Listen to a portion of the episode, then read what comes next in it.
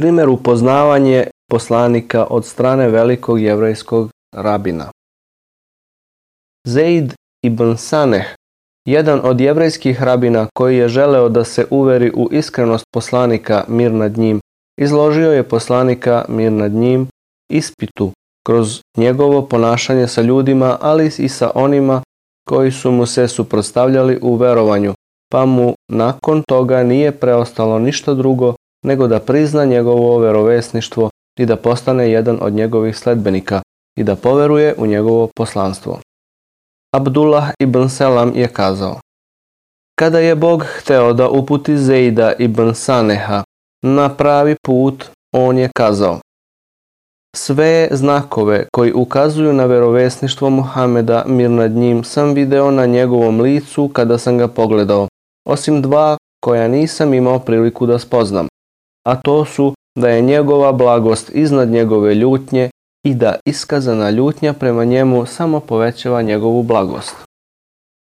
Zeid je kazao, Poslanik je izašao iz svojih soba, a sa njim je bio Alija ibn Ebi Talib. Pa mu je došao čovjek na jahalici kao pustinjak i kazao O Boži poslaniče, selo u kojem živi to i to pleme je ušlo u islam i prihvatilo ga. Ja sam im kazao da ukoliko prihvate islam, bit će opskrbljeni sa svih strana. Međutim, njih je snašlo teško stanje i suša. Ja se sada, o Boži poslaniče, bojim da ne napuste islam iz pohlepe kao što su i ušli u njega iz pohlepe. Zato, ako smatraš da treba da im pošalješ nekoga sa pomoći, učini to. Kaže Zeid, pa je poslanik pogledao u čoveka do sebe mislim da je bio Omer. Pa je Omer kazao, od imetka nije ostalo ništa o Boži poslaniče. Zeid je kazao, pa sam mu se približio i kazao mu, o Muhammede, da li imaš da mi do određenog roka prodaš poznatih hurmi iz palmovika tog i tog plemena? Tada mu je poslanik mir nad njim kazao, nemam, o jevreju, ali imam da ti prodam do određenog roka neke druge poznate hurme koje nisu iz palmovika tog i tog plemena. Zeid je kazao, u redu, prodaj mi ih. Nakon toga sam, kaže Zeid, izvadio vrećicu u kojoj se nalazio novac, pa sam mu dao 80 miskala zlata, oko 340 grama, za hurme koje mi je trebao dati do određenog roka on je taj novac dao nekom čoveku i kazao mu je, idi brzo do njih i daj im ovaj imetak kao opskrbu.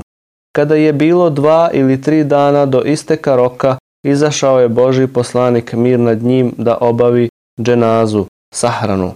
Namaz jednom čoveku od Ensarija, a sa njim su bili Ebu Bekr, Omer, Osman i grupa njegovih sledbenika.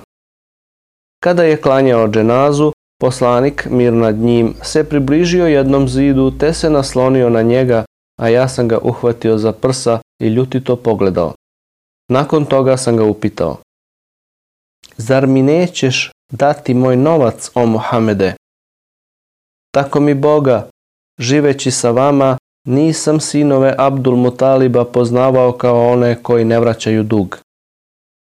Pogledao sam u Omera ibn el-Hataba, kojem su se oči kružile na licu, a zatim me je pogodio svojim pogledom te kazao O Boži neprijatelju, zar govoriš poslaniku to što čujem i sa njim radiš to što vidim? Tako mi onoga koji ga je poslao sa istinom, da nije onoga za što se bojim, da će mi izmaći. Odsekao bih ti glavu ovom svojom sabljom. Poslanik, mir nad njim, je posmatrao Omera veoma smireno i staloženo, a zatim je kazao. Poslanik, mir nad njim, je posmatrao Omera veoma smireno i staloženo, a zatim je kazao. O Omere, mi u istinu trebamo od tebe nešto drugo, a ne ovo. A to je da meni narediš da na najlepši način izvršim svoju obavezu, a da njemu narediš da na lep način traži svoje pravo idi omere i daj mu njegovo pravo koje mu pripada. I još na to dodaj 20 pregršti hurmi zbog toga što si ga prestrašio i pretio mu. Omer je otišao sa mnom, te mi ispunio moja prava i još na to dodao 20 pregršti hurmi, a ja sam ga upitao. Čemu ovaj višak? Omer mi odgovori, poslanik mir nad njim mi je naredio da ti dam ovaj višak zato što sam ti pretio i preplašio te. Kazao sam, znaš li ko sam ja? Odgovorio je, ne znam ko si ti. Kazao sam, ja sam Zeid ibn Saneh. Ponovo je upitao, rabin?